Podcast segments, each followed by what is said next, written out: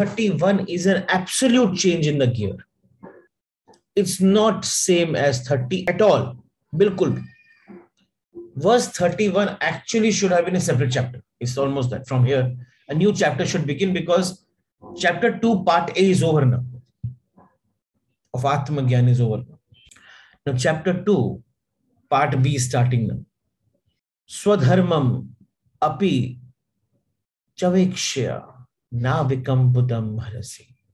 धर्मयाधि, युद्धाची चार्यो न्यात क्षत्रिय ना विद्यते। स्वधर्म, इस शब्द को मैं जरा डिटेल में एक्सप्लेन करूँगा। स्वधर्म इज़ बेसिकली वंस ड्यूटी आपकी जो ड्यूटी है, जो आपको दी गई है स्टूडेंट की एक ड्यूटी होती है, जो उसको दी गई है। एक गृहस्थ की एक ड्यूटी होती है। स्टूडेंट को गृहस्थ की ड्यूटी अच्छी लगती है, गृहस्थ को स्टूडेंट की ड्यूटी अच्छी लगती है।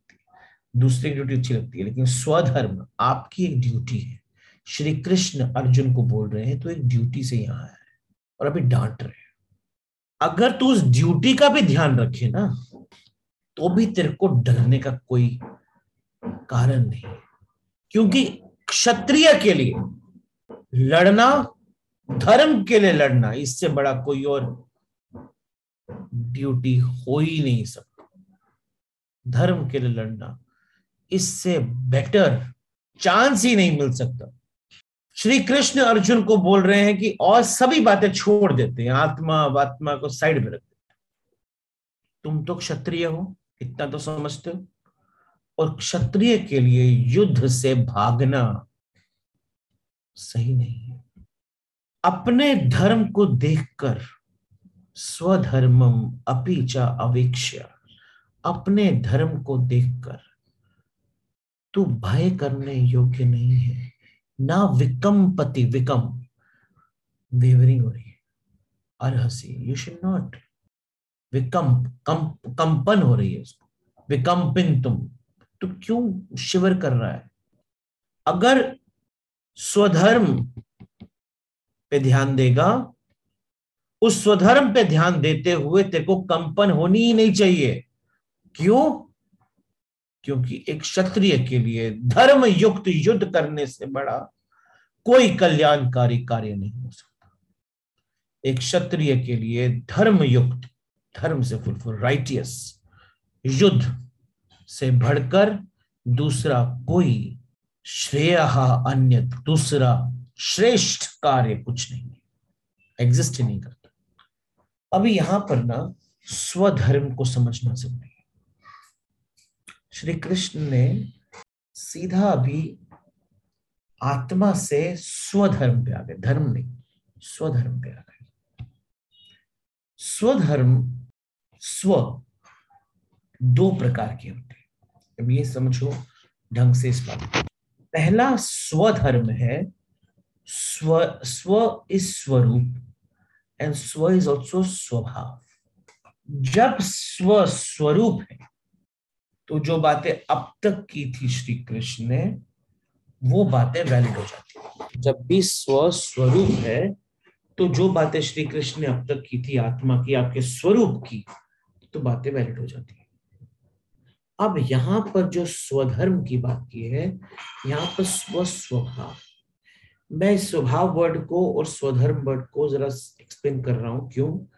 क्योंकि जिस तरीके से स्वधर्म literally explained किया गया in various commentaries, it basically is connected to your वर्ण के हिसाब से और आपके आश्रम के हिसाब से। एक है आश्रम धर्म, आप किस आश्रम में है? आप ब्रह्मचर्य आश्रम में है, आप गृहस्थ आश्रम में है आप वानप्रस्थ आश्रम में है, आप संन्यास आश्रम में, आप किस आश्रम में है? उसके हिसाब से आपका एक धर्म होता है। दूसरा है, आप कौन से वर्ण को बिलोंग करते हैं? आप क्षत्रिय हैं, ब्राह्मण हैं, वैश्य हैं कि शूद्र है? वो हो गया दूसरा टाइप ऑफ़ स्वधर्म, आपके वर्ण के हिसाब से। तीसरा है, वर्ण आश्रम स्वधर्म। वर्ण आश्रम मतलब कॉम्बिनेशन स्टूडेंट गृहस्थ ऐसा इसका ही धर्म अलग है स्टूडेंट यानी ब्रह्मचर्य और साथ में आप ब्राह्मण है तो ब्राह्मण ब्रह्मचारी का एक अलग धर्म है ब्राह्मण गृहस्थ का अलग धर्म है ब्राह्मण सन्यासी का अलग धर्म है ब्राह्मण वानप्रस्थी का अलग धर्म तो ये अलग कॉम्बिनेशन हो गया थर्ड कैटेगरी फ़र्स्ट इज़ आश्रम धर्म दूसरा है वर्ण धर्म तीसरा है आश्रम वर्ण धर्म। फिर आता है साधारण धर्म और लास्ट होता है विषय धर्म। यानी कि साधारण धर्म जो कि सबको ही फॉलो करना है, अहिंसा, सत्य, दमा, क्षमा, ये सबको सबको फॉलो करना है। चाहे आप किसी भी आश्रम में हो, आपके बेसिक ह्यूमन राइटियसनेस होनी चाहिए। वो विषय धर्म क्या है कि स्पेसिफिक टू यू अब आप वॉरियर हो, क्षत्रिय हो लेकिन आप कमांडर इन चीफ हो कि आप सोल्जर हो, हर एक की जॉब डिस्क्रिप्शन अलग। तो हमारे एंशियंट कल्चर के अंदर बहुत ब्यूटीफुली पूरे के पूरे धर्म को वेरियस पार्ट्स में डिवाइड कर दिया था। मैं लिख देता हूँ आपके लिए। तो पहला था आश्रम। किस आश्रम में आप दूसरा था आप किस वर्ण को बिलोंग करते तीसरा था आश्रम वर्ण कॉम्बिनेशन उसके हिसाब से आपके धर्म बदल जाते चौथा विषय एग्जैक्टली exactly कहाँ पर हो अभी? और लास्ट इज़ जो कि सबको ही फॉलो करते लेकिन इसके पीछे का आधार क्या है?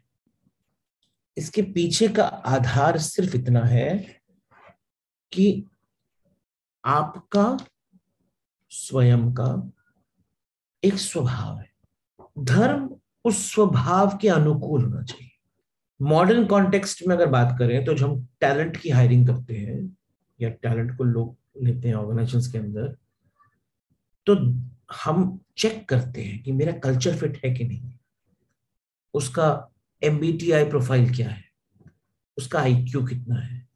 क्योंकि हम कोई गलत नहीं है, बस कंपैटिबिलिटी ज़रूरी जो बात कृष्ण कर रहे हैं वो कई वर्षों पुरानी है। उस समय स्वधर्म का इसी भाव से लिया गया था।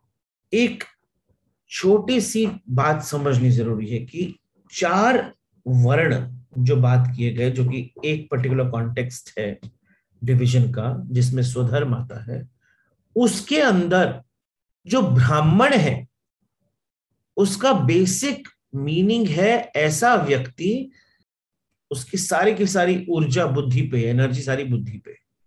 वो इंटेलेक्चुअल है।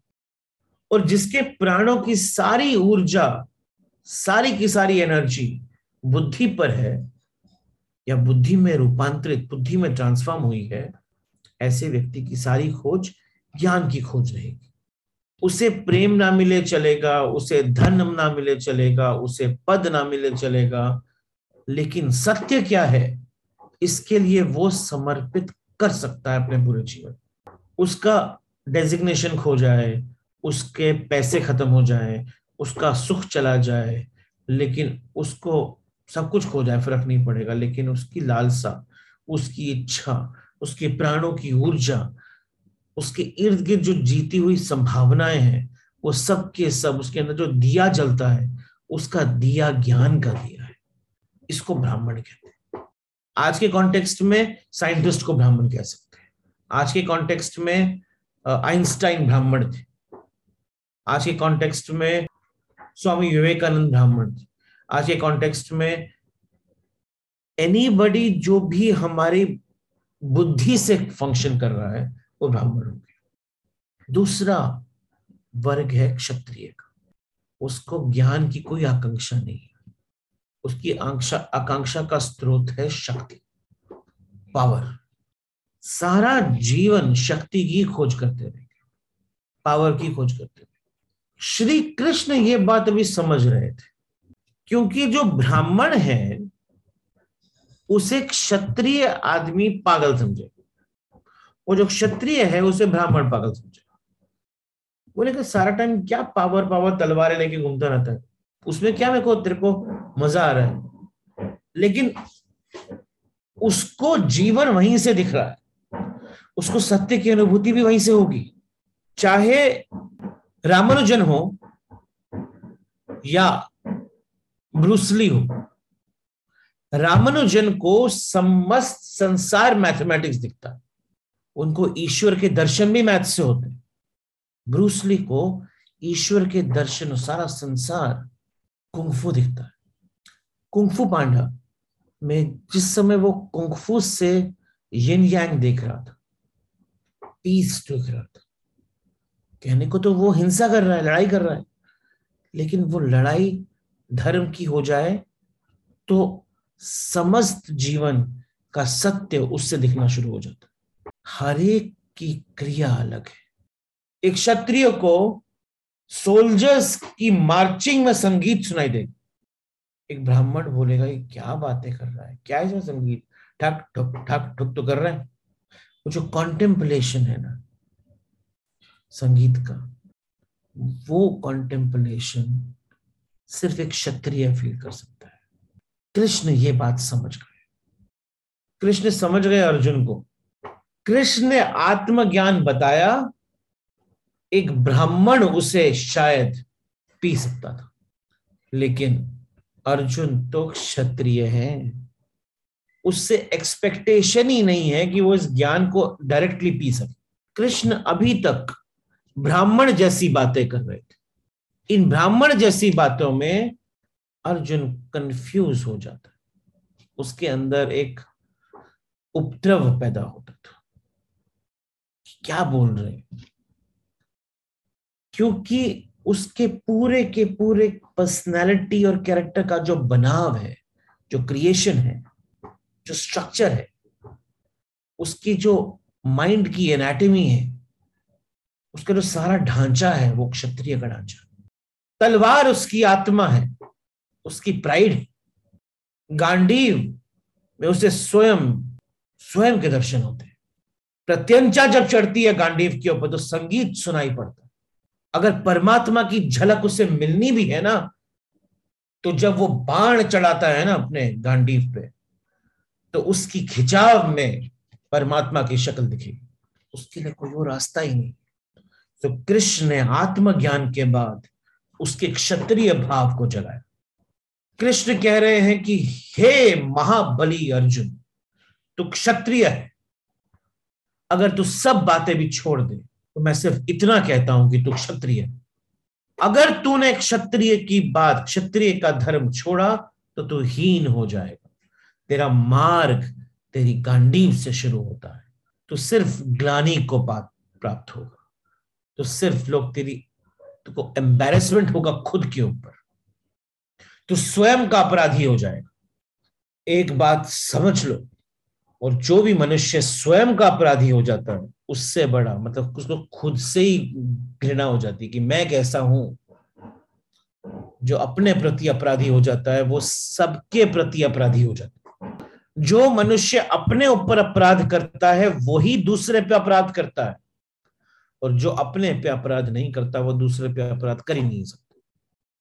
और श्री कृष्ण बोल रहे हैं कि अपने साथ सबसे बड़ा अपराध यही है कि मनुष्य मनुष्य अपने धर्म से हट जाए और दूसरे की तरफ़ भागे, पैसे की तरफ़ भागे। जो धर्म में है, उसको छोड़ के सब चीज़ों की तरफ़ भागे। ब्राह्मण और क्षत्रिय दोनों अलग वर्ग के तीसरा एक और वर्ग है। ये बड़ा इंटरेस्टिंग है। जिसको तलवार से डर लगता है जो तलवार को छू नहीं सकता। गन को देख नहीं सकता। संगीत बहुत दूर की बात है। अर्जुन को तो प्रत्यंचा चढ़ती है तो उसके अंदर की घन घनाहट उसके अंदर का स्वर बदल जाता है। ऐसे लोगों को उससे डर लगता है। ये जो तीसरा वर्ग है, उसे ज्ञान की खोज बेवकूफ़ी मालूम पड़ती है। तो क्या पागल टाइम वेस्ट ये तीसरा वर्ग है, जिसे धन में महिमा पड़ती जिसके लिए धन ही सब कुछ है। धन के आसपास जिसके जीवन की सारी व्यवस्था निर्मित होती। अगर उन्हें मोक्ष की बात भी करनी है तो उनके व्यवसाय से करनी पड़ेगी बिज़नेस से करनी पड़ेगी। उनके लिए मोक्ष भी बिज़नेस के थ्रू आएगा, वो है वैश्य। अगर वो ईश्वर का चिंतन भी करेंगे तो ईश्वर लक्ष्मी नारायण की तरफ़ उनको दिखाई देंगे। तथ्य, उनका जो फैक्ट है उनका जो रियलिटी है लाइफ की, वो बिज़नेस है। अब ऐसे रियल ऐसे आदमी को अगर हम प्योर ज्ञान में डुबा दें तो वो कुछ टाइम सुनेगा, फिर डिस्कनेक्ट हो जाएगा। तो श्री कृष्ण ये बात तो जानते थे कि बताना तो पड़ेगा क्या? तो किया। ग्यारहवें श्लोक से थर्टी श्लोक तक तो प्रॉपरली किया डिटेल लेकिन गियर शिफ्ट कर दिया। क्यों? क्योंकि क्षत्रिय से बात कर रहे हैं ना वो। अब जिससे बात कर रहे हैं, वाणी वैसी होनी पड़ेगी। तो क्षत्रिय को उसकी भाषा में समझाना ज़रूरी था। बिजनेसमैन को उसकी भाषा में समझाना ज़रूरी होगा। तो यदि एनलाइटनमेंट बिज़नेस में नहीं आएगा तो वो प्रैक्टिस ही खराब हो जाएगी। ट्रांसगनाइजेशन का टाइटल पढ़ लो। एनलाइटेंड बिज़नेस प्रैक्टिस हमारा जो व्यवसाय है, वो बिजनेसमैन से बात करना है। हमारी बातों में एनलाइटनमेंट होना ज़रूरी है, क्योंकि मार्ग बिज़नेस के थ्रू जाना है एनलाइटनमेंट के थ्रू तो हमारी सारी प्रैक्टिस उस ओर होनी बहुत ज़रूरी है। वर्ण की जो धारणा है, वर्ण, उसको कास्टिज्म बना दिया गया बाद में, पूरा का पूरा बर्बाद हो गया। वर्ण की धारणा सिर्फ़ तथ्यात्मक है फैक्ट पे डिपेंड है, स्वभाव। तभी वर्ण के साथ जैसा स्वभाव आपका है, वैसा वर्ण आपका है। इसलिए जैसा धर्म वो वर्ण डिफाइन करता है, वैसा आपका स्वधर्म हो जाना चाहिए। वर्ण की धारणा तथ्यात्मक से तुलनात्मक हो गई और वहीं पर सोसाइटी बर्बाद हो जिस दिन वर्ण की धारणा तुलनात्मक, यानी कंपेरेटिव हो गई कि तू ब्राह्मण तो बड़ा मैं क्षत्रिय तो ये तू तू तो शूद्र है और तू ये है। यहीं पर सबका सब खत्म हो गया। जिस दिन वर्ण की धारणा तुलनात्मक हुई कि कोई ऊपर, कोई नीचे, उस दिन वर्ण की फिलॉसफी फिनिश हो गई। और एक, और वर्ण एक सोसाइटल कर्स बन गया। सामाजिक अनाचार बन गया। जिस दिन वर्ण में तुलना पैदा हुई कि क्षत्रिय ऊपर, ब्राह्मण ऊपर, वैश्य ऊपर या शुद्र ऊपर, कौन से नीचे, कौन पीछे। जिस दिन वर्ण का शोषण किया गया, उस दिन सोसाइटी का एंड शुरू हो गया। फिर लास्ट वर्ण है, जिसे हम शूद्र बोलते हैं। उन्हें ना धन से प्रयोजन है, ना शक्ति से प्रयोजन है, ना ज्ञान से प्रयोजन है उनका जीवन बहुत गहरे में, बहुत गहरे में सेवा और सर्विस के आसपास घूमता है। जो आज अपने को, जो अगर अपने को पूर्ण रूप से समर्पित कर पाए किसी की सेवा में तो उसको फुलफिलमेंट प्राप्त होती इंडिया इंडियंस की प्राइमरी नेचर सर्विस की है। तभी यहाँ पे सर्विस इंडस्ट्री बड़ी फुलफिल होती है फ्लरिश करती है। नेचर ही हमारी सर्विस की। श्री कृष्ण इस पूरी साइकोलॉजी को अच्छे से समझते थे, क्योंकि प्रत्येक मनुष्य के परमात्मा तक पहुँचने का मार्ग उसके स्वधर्म से ही गुजरता है। स्वधर्म का अर्थ स्वाभाविक स्वभाव से उत्पन्न हुआ धर्म है, क्योंकि जो स्वभाव है, वही आपका वर्ण है। और जिस समय श्री कृष्ण ने अर्जुन को यह बात की कि तू तो क्षत्रिय है तो छोड़ने की बात कर रहा है, वो उपाय ठीक नहीं है। तू क्षत्रिय है। ये जान, याद कर कि जिस समय प्रत्यंचा चढ़ती है तो कितना अच्छा लगता और अब की यात्रा क्षत्रिय की तरह गौरव के ढंग से पूरी कर। अगर तू वो नहीं करेगा तो अगौरव को प्राप्त होगा। तो यश को उपलब्ध नहीं होगा तो यश को उपलब्ध कर। क्षत्रिय की यात्रा से। नहीं तो अपयश में गिर जाए। तेरा वर्ण क्षत्रिय है तो क्षत्रिय है। और जो क्षत्रिय है, उसके लिए तो इससे बड़ा स्वभाव ही नहीं, इससे बड़ा सौभाग्य ही नहीं कि ऐसा धर्म का युद्ध करने को सके तो इन सब के अंदर अपने मोह को मत देख। इन सब के अंदर, इस पूरी की पूरी परिस्थिति को जो जन्म लिया है, उसको देख और बोल स्वयं से कि क्षत्रिय का जो स्वधर्म है, वो मुझे पूर्ण करना है।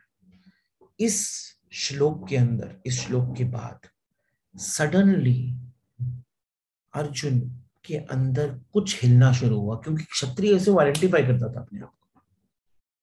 अभी भी वो बातें, आत्मज्ञान की बातें उसके अंदर चल रही हैं, लेकिन क्षत्रिय से आइडेंटिफाई करता था कनेक्शन शुरू हुआ और जैसे जैसे कनेक्शन शुरू होगा, वैसे वैसे उसका डीप रूटेड कॉन्शियसनेस इग्नाइट होना शुरू हो जाए। स्वधर्म आपके स्वभाव पे निर्मित होता है। ब्राह्मण के घर में क्षत्रिय का जन्म हो सकता है। क्षत्रिय घर में ब्राह्मण का जन्म हो सकता है। क्षत्रिय के घर में वैश्य वैश्य का जन्म हो सकता है और शूद्र का जन्म भी हो सकता है। स्वयं महात्मा बुद्ध का जन्म क्षत्रिय के घर में हुआ था, वो तो ब्राह्मण थे। महावीर का जन्म क्षत्रिय घर में हुआ था, वो भी ब्राह्मण थे। उन्होंने अपना मार्ग खुद ढूंढा, पहचाना, ढूंढा और वॉक किया। चले उस पर आपके धर्म को, आपके वर्ण के हिसाब से देखना पड़ेगा। नहीं तो यात्रा भटक जाएगी। श्री कृष्ण इस बात को भली भांति समझते जब तक हम अपने लक्षणों को नहीं समझेंगे, तब तक हमने अपने अपने वर्ण को पहचान नहीं पाएँगे। गौतम बुद्ध को एक कंपटीशन में खड़ा कर दो आर्चरी के। और बोलो कि उस हिरण पर निशाना लगाना। है तो वो इनकार कर देंगे। अर्जुन ने तो कभी ऐसा नहीं किया। वो तो आँख बंद करके निशान लगा देगा और उसको कुछ फ़र्क भी नहीं पड़ेगा। उसकी यात्रा अब तक की क्षत्रिय की यात्रा थी। आज अचानक, आकस्मिक, इस क्षण में वो अपने आप को ब्राह्मण की तरह क्यों देखना चाह रहा है? स्वभाव के, विपरीत है। स्वभाव क्षत्रिय है। बातें ब्राह्मण की कर रहा है। क्यों? क्योंकि स्वभाव अब ध्यान से सुनो स्वभाव और आचरण के बीच में मोह की बहुत बड़ी दीवार है। स्वभाव और आचरण के बीच में आपकी सोसाइटी की बहुत बड़ी एक्सपेक्टेशन जिस समय वो सोसाइटल एक्सपेक्टेशन टूट जाएँगी स्वभाव आचरण के अनुकूल हो जाएगा। मोह टूटा, स्वभाव और आचरण समान हो जाएँगे। आपको, आपका रास्ता मिल जाएगा परमात्मा तक। और ये जिस युद्ध में अर्जुन अभी खड़ा है, वो सबसे बड़ी परीक्षा है उसकी। क्यों? क्योंकि अब अगर उसने स्वभाव और आचरण को समाप्त किया, वो जो ज्ञान उनको श्री कृष्ण ने स्वयं दिया है, वो ज्ञान उन्हें अपनी प्रत्यंचा के ऊपर दिखेगा।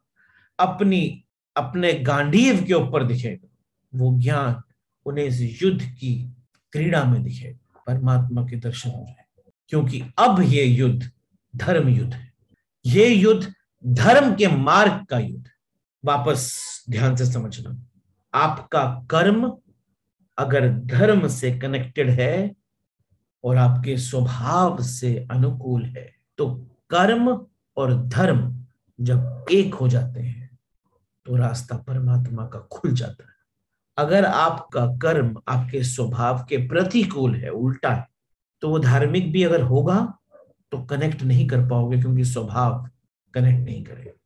तो राइट स्वभाव करेक्ट राइट स्वभाव। स्वभाव मतलब आपकी नेचर की बात नहीं कर रहा हूँ, मैं आपकी, आपका जो वर्ण है, उसकी बात कर रहा हूँ। आप ब्राह्मण हो, क्षत्रिय हो, वैश्य हो, कि शूद्र हो, वो आपके वर्ण की बात कर रहा हूँ। आपका जो डोमिनेंट वर्ण है वो डोमिनेंट वर्ण अगर आपके कर्म से कनेक्टेड है और वो रास्ता धर्म की तरफ़ चलता है तो आपको परमात्मा की अनुभूति होने का बहुत बड़ा चांस कृष्ण उतर गए अभी मन के रास्ते पर। अगले कुछ लोग जैसे जैसे आगे बढ़ेंगे, वैसे वैसे। समझ में आएगा कि जैसे जैसे आप अपने स्वभाव और अपने कर्म को एक करते हो तो रास्ते अपने आप खुलते हैं। आप तक लोग, आप तक चलते आते हैं। परमात्मा का मार्ग आपके स्वभाव से ही स्टार्ट होता है।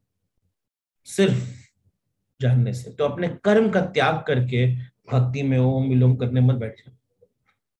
आपका जो कर्म है, वही आपकी प्रार्थना और आपकी पूजा है। अगर आपने उसका त्याग किया समस्त जीवन का त्याग हो जाएगा। वहीं पर अपने कर्म का त्याग नहीं करना, क्योंकि कर्म प्रसाद है, भक्ति ऊर्जा है, और आपका स्वभाव आपके कर्म से कनेक्टेड है, यही परमात्मा का मार्ग है।